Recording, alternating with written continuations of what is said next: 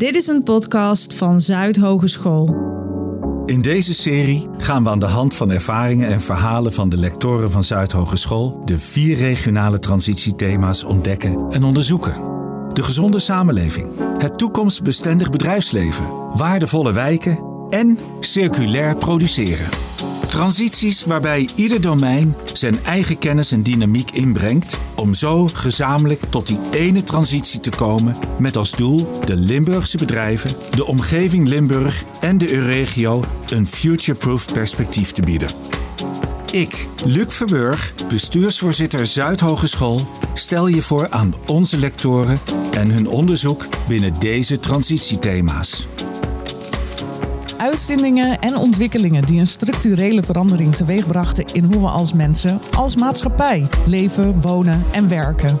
Wat begon met vuur en in de meer recente geschiedenis elektriciteit. In 1943 komt daar de eerste computer bij. In de Tweede Wereldoorlog moest men hard aan de slag met het kraken van de Enigma-machine, de Duitse codes. En zie daar, Colossus. Wiskundige Alan Turing werkte aan het project en met Colossus. In zijn biografie uit 1983 doet hij zijn verhaal. Je kan ook de verfilming kijken uit 2014, The Imitation Game. Bij Zuidhogeschool wordt er veel met data-analyse gewerkt. Martijn Zoet van het lectoraat Futureproof Financial zet data-analyse in om mensen goede beslissingen te kunnen laten maken. In deze aflevering gaat bijzonder lector Zuidhogeschool Erik Mantelaars met hem in gesprek. Nou Martijn, wij kennen nou elkaar uh, denk ik een jaar of zes. Als we teruggaan naar 2015, toen ben jij gestart met een van de lectoraten aan Zuid. We werken heel veel samen. En toch denk ik dat het heel interessant is voor, voor de buitenwacht om een keer te vertellen wat je nou echt doet. Want je roept altijd het woord eh, data, data-analyse, algoritme en god weet ik welke termen allemaal. Misschien kun je toch voor de, degene die er niet zo diep in zit eens uitleggen wat dat is nou, laten we dan eens beginnen met uh, het woord algoritme. Want dat is natuurlijk eentje die hoorde de laatste tijd heel veel. En, en eigenlijk het hele probleem is dat eigenlijk niemand weet wat het betekent. Want iedereen roept het woord AI, iedereen roept het woord data-analyse, maar niemand kan het je uitleggen. En als je het eigenlijk heel simpel wil uitleggen, is het echt heel simpel. Want een algoritme is niks meer dan een keukenrecept. Dus uh, je volgt gewoon een aantal stappen om te komen tot waar je wil zijn, het eindgerecht. En op het moment dat je dat gedaan hebt, ben je klaar. En dan is het zo, je hebt eenvoudige algoritmes. Dat is net zoals in de keuken als je thuis een uh, port aardappelen moet maken. Tot hele ingewikkelde algoritmes. De Michelin drie sterren restaurants. Dat is gewoon een heel uh, verschil wat daartussen zit. Nou, en wat dan het interessante is, dan heb je nog het woord AI. En dat kun je eigenlijk vergelijken met het keukengerei. Dus op het moment dat we het keukengerei hebben, de AI waarmee je het algoritme het keukenrecept uitvoert.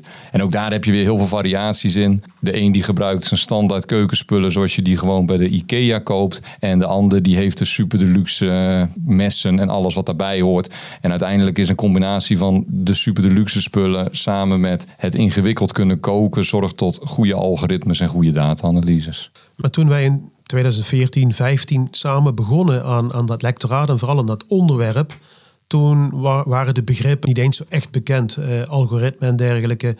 Niemand kon het woord bijna spellen. Maar inmiddels is, is dat wel verder tot ontwikkeling gekomen.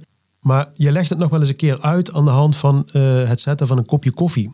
Wat wij doen is, kijk, het is eigenlijk zelfs met dat keukenrecept. Het probleem van heel veel partijen, tot op heden nog, en vooral van heel veel MKB'ers, is dat ze alles doen met, ik zeg altijd, het verkeerde koffiezetapparaat. Dus wat is nou het probleem? Een algoritme maken of een, zorgen dat je tot een uh, beslissing komt.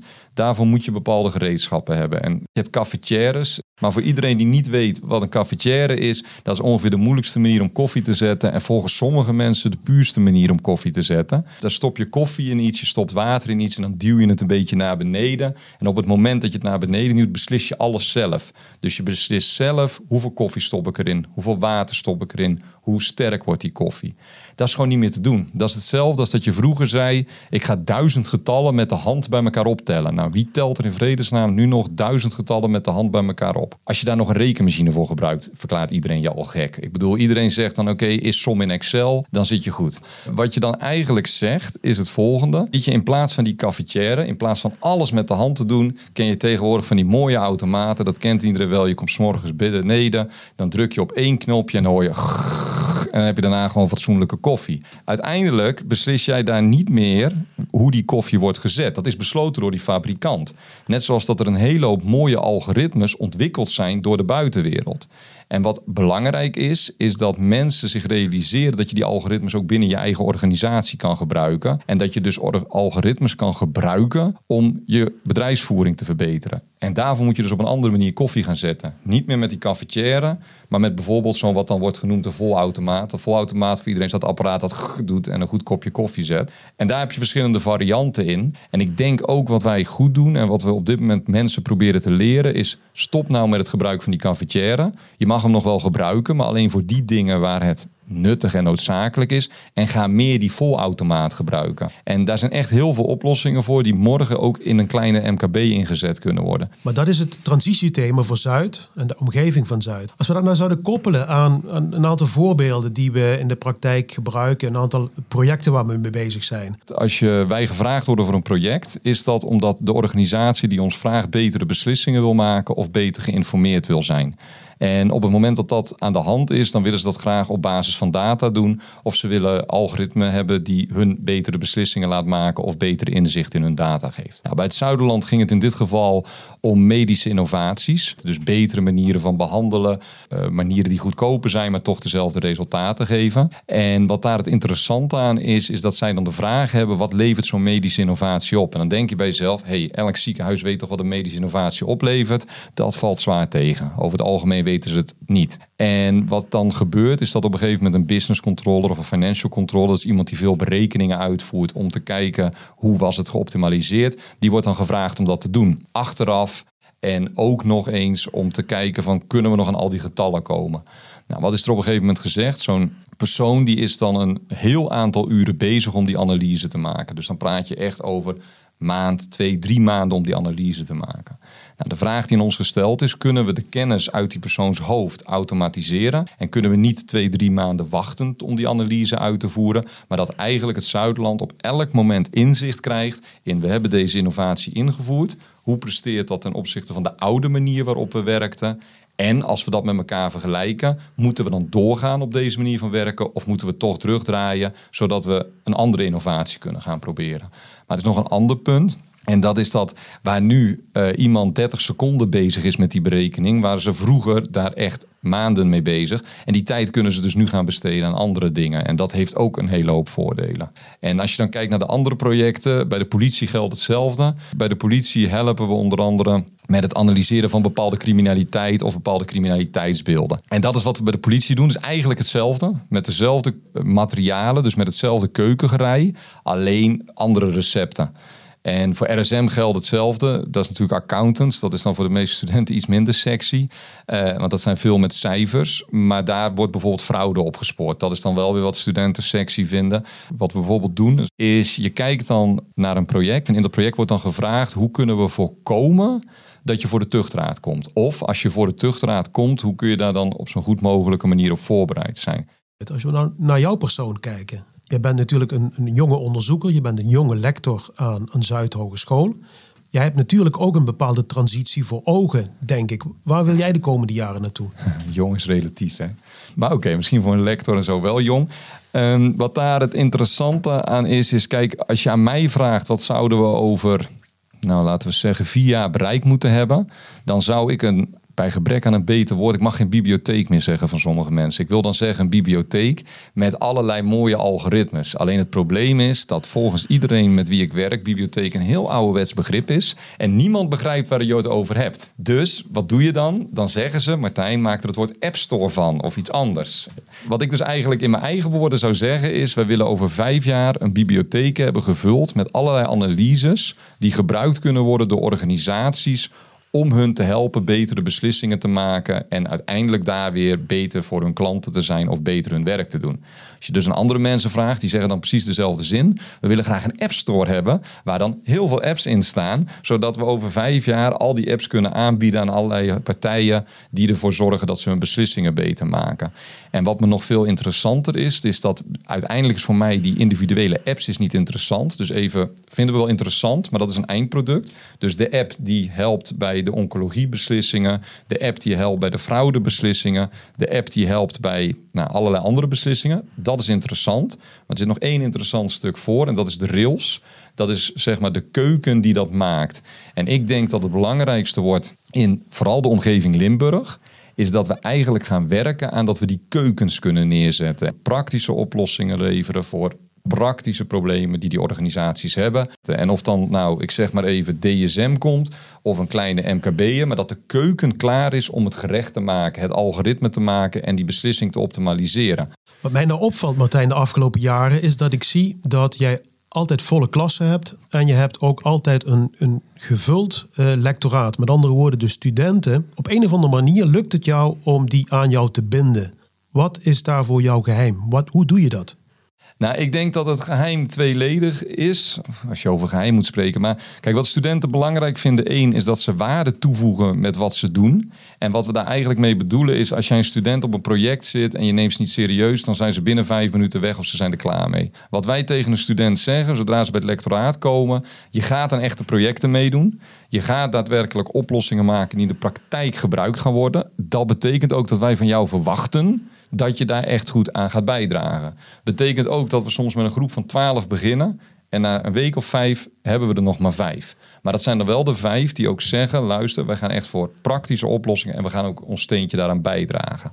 Nou, dat is denk ik uh, belangrijk, dat we ze gewoon met, vanaf meteen serieus nemen. We behandelen ze niet meer, we behandelen ze wel studenten in de begeleiding, maar we verwachten wel dingen van ze dat ze gewoon gaan opleveren. Andere wat denk ik wij goed doen, is dat we ze wel opnemen in een opleidingstraject. Dus we hebben een aantal standaard opdrachten klaar liggen, om, zodat ze leren keukenrecepten maken. We hebben een aantal standaard opdrachten liggen dat ze uh, die keukens leren maken. En op het moment dat ze dat kunnen, zetten we ze gewoon meteen in op echte projecten. En daar mogen ze ook in kiezen. We hebben als lectoraat een beetje de luxe dat we uit veel onderwerpen hebben. Dus politie, zorg, financiën, accountancy, of moet ik eigenlijk zeggen finance en accountancy. En uh, daar mogen ze ook in kiezen. Als een student op een gegeven moment zegt: Ik wil liever wat uh, financiële analyses in de zorg doen, helemaal prima. Wil je het graag bij de politie doen? Moet je aan wat extra eisen voldoen? Moet je even door dat traject heen? Maar voldoe je aan die extra eisen, mag je daar ook gewoon in mee. En daardoor zie je ook dat studenten soms hele verschillende kanten op gaan. We hebben een studenten die dan vooral op kaartanalyses uh, verder gaat en vooral heel veel maakt op het gebied van kaarten en wat je daarmee kan. Maar we hebben ook een student die zich vooral bezighoudt met tekstanalyse. En dat is ook prima, want al die oplossingen worden gevraagd door de buitenwereld. Maar ik denk dat dat belangrijk is. Sluit aan bij hun interesses, sluit aan bij wat ze willen en neem ze serieus. Als we naar terugkijken, Martijn, jij staat, en zeker toen het uh, nog vanwege COVID mocht, stond je en sta je heel regelmatig op de bühne en vertel je dit verhaal eigenlijk. En als je dan kijkt naar de reacties van, van mensen en van ondernemers en organisaties, dan willen ze meteen eigenlijk top of the bill. Ze willen het het beste en ze willen het liefst gisteren geregeld hebben. Helpt Zuid en help jij nou ook bij het kiezen van het soort koffiezetapparaat en hoe je dat moet aanpakken? Nou, het eerste waar we ze mee helpen is om meteen af te stappen van dat uh, zeg maar het nieuwste spul en de nieuwste koffiezetapparaat en alles wat erbij hoort. Wij werken met een, een model, dat heet het VTA-model. En wat we dan met ons en met studenten helpen, is het volgende te doen welke type data-analyse wil je eigenlijk doen? Hoe komen we tot die juiste vraag? En het interessante van hoe wij werken is dat we dan het volgende zeggen. We hebben drie vragen die beantwoord moeten worden. Wat wil je analyseren? Waarom wil je het analyseren? En in welke mate wil je het analyseren? Waarbij dat eerste zegt van oké, wil je naar een proces kijken, een beslissing. Waarbij je dat tweede zegt, gaan we gewoon iets ontdekken of willen we iets controleren of willen we iets verbeteren. Maar bij die laatste zeggen we van hé, hey, je hebt een bepaalde mate. Dit willen we eigenlijk geanalyseerd hebben of in deze variant willen we het geanalyseerd hebben. De meest gevraagde op dit moment is voorspellen iedereen wil voorspellen. Maar wat iedereen niet realiseert is dat er voor voorspellen eigenlijk nog drie stappen zitten. En het interessante is dat als jij die eerste drie niet goed kan, kun je wel met voorspellen beginnen. Maar dan gaat uiteindelijk bijna altijd fout. Om de doodsimpele reden. Dan heb je zeg maar de super deluxe koffiezetapparaat gekocht. Of de nieuwste, modernste messen. Maar als jij het mooiste mes hebt in de wereld. Dan moet nog steeds iemand die, die vis snijden. Hetzelfde geldt met die koffiezetapparaten. Als jij het super deluxe koffiezetapparaat thuis hebt staan. Betekent dat je soms echt wel wat dingen met de hand moet gaan doen. Nou, dat kan niet iedereen. Waar wij vooral op dit moment aan werken met studenten en waar we bedrijven mee helpen, is je hebt drie dingen die belangrijk zijn. Even laten we het over koffiezet hebben. Punt 1, de bonen. Dat is de data. En die bonen en die data gaan in het apparaat. Die moeten van een bepaalde kwaliteit zijn, die moeten een bepaalde schoonheid hebben. En als dat eenmaal beslist is, dan kunnen we naar het apparaat. Nou, wat is nu het mooie? Wij helpen door middel van dat model het apparaat, een standaard apparaat, zo te configureren. Dus zeg maar de bouwblokjes erin te zetten, zodat uiteindelijk dat apparaat voor de specifieke taak waar die op dat moment voor gevraagd wordt, dat die daarvoor gebruikt kan worden. Als we aan de ene kant zeggen, we hebben het ziekenhuis. Bij het ziekenhuis gebruiken we hetzelfde koffiezetapparaat als bij de politie. En hetzelfde koffiezetapparaat als bij uh, de accountantskantoor. Maar bij de een stoppen we de bonen in en die bonen zijn patiëntgegevens. Bij die ander stoppen we de bonen in en dat zijn zeg maar de gegevens van de organisatie, de financiële gegevens. En bij de politie stoppen we de bonen in, dat is over bepaalde criminaliteit. Dan zeggen we, oké, als we dan dat apparaat hebben, dan doen we voor de politie, configureren we het zo. Kun je vergelijken met bijvoorbeeld de sterkte van de koffie die eruit moet komen. Of uh, dat er een beetje meer melk bij moet. Of configureren we bij de, uh, het ziekenhuis op een bepaalde manier en ook bij het accountantskantoor op een bepaalde manier. En dan komt er een kopje koffie uit, het eindresultaat. En dat kopje koffie kunnen ze dan allemaal drinken. In het ziekenhuis betekent dat, hey, uh, is op deze foto een bepaalde tumor te zien? Of hey, heeft deze innovatie meer effect dan een ander? Bij het accountantskantoor is dat, hey, is, deze, is er hier fraude gepleegd of niet? Of is de continuïteit voor de komende twaalf maanden gewaarborgd of niet? En bij de politie is dat bijvoorbeeld een voorspelling of bepaalde criminaliteit gaat plaatsvinden. En daar zit eigenlijk de variatie. Martijn, ik begrijp dat de koffiebonen, dat dat natuurlijk de basis voor alles is. Maar hoe weet je nou dat die bonen en compleet zijn, maar ook dat ze schoon zijn? Uh, en dat gevarieerd naar bijvoorbeeld die politieopdracht of die opdracht bij zo'n accountantsorganisatie. Hoe doe je dat? Ja, het probleem is en staat en begint en valt met wat we noemen schone data. En schone data betekent data die daadwerkelijk gebruikt kan worden om deze analyses te doen. En dat is meteen ontzettend moeilijk probleem is ook nog dat wij in Nederland niet zo heel goed zijn in het netjes registreren van die bonen, van die data. Laten we even zeggen dat we in het ziekenhuis zijn en we hebben de bonen, de data nodig in het ziekenhuis. En stel dat je zou willen zeggen, ik wil bijvoorbeeld foto's analyseren of daar een bepaalde tumor op zit. Dat betekent in dit geval al dat we de foto's moeten hebben waar geen tumor te vinden is. Dat zijn de eerste set met bonen. Foto's te vinden waar wel tumors zijn. En we moeten 100% zeker weten dat in die ene set van bonen alleen maar foto's met tumoren zitten. En in die andere set van bonen foto's zonder tumoren. En dat is de makkelijke variant. Als we alleen zeggen wel of geen tumor. Maar als je nog iets wil zeggen over zeg maar, de uh, mate van de tumor of de mate waarin de tumor is ontwikkeld, moet je eigenlijk van elk van die verschillende hoeveelheden en die verschillende mates, moet je ook weer foto's en sets hebben. Nou, dan heb je, laten we zeggen, zes artsen die dat allemaal op hun eigen manier registreren. En dat betekent bloedsimpel, de een die typt in, de ander typt in en de ander typt in. Nou, ik kan je alvast vertellen, zes artsen, zes antwoorden. Zes accountants, zes antwoorden. En daar moet echt aan gewerkt worden. En het probleem wat je daar gewoon ziet, is dat je eigenlijk het probleem hebt dat we dat gewoon in Nederland niet goed genoeg doen. Maar we moeten ons wel realiseren, als mensen roepen data is de nieuwe grondstof, dat dat een grondstof is, net als olie en andere dingen, die je bepaalde opschoningsacties hebt, waarmee je op een bepaalde manier moet omgaan, zodat we uiteindelijk daar de, de goede analyses mee kunnen maken. En dat is ontzettend belangrijk. En het probleem is gewoon 9 van de 10 projecten eindigen of gaan verkeerd omdat de data niet schoon is. En dan kun je de mooiste algoritmes en de mooiste keukengerij van de wereld hebben. Maar als die data niet goed is, kun je net zo goed meteen eigenlijk zeggen we stoppen met het project. Wat we wel doen, is dat we daar wel mee helpen. Dus ook vanuit Zuid helpen we om data op een goede manier geregistreerd te krijgen, waarborgen in te bouwen. Daar wil ik wel één kanttekening bij maken. En dat is wel een belangrijke. Mensen baseren zich nu ook op foute data. Hè? Want die computer krijgt foute data, maar de mens krijgt dezelfde foute data. Op het moment dat die computer foute data krijgt, maakt hij foute beslissingen. Maar die beslissingen kunnen soms nog steeds beter zijn dan een mens. Hoeft niet, want soms maakt de mens gewoon betere beslissingen.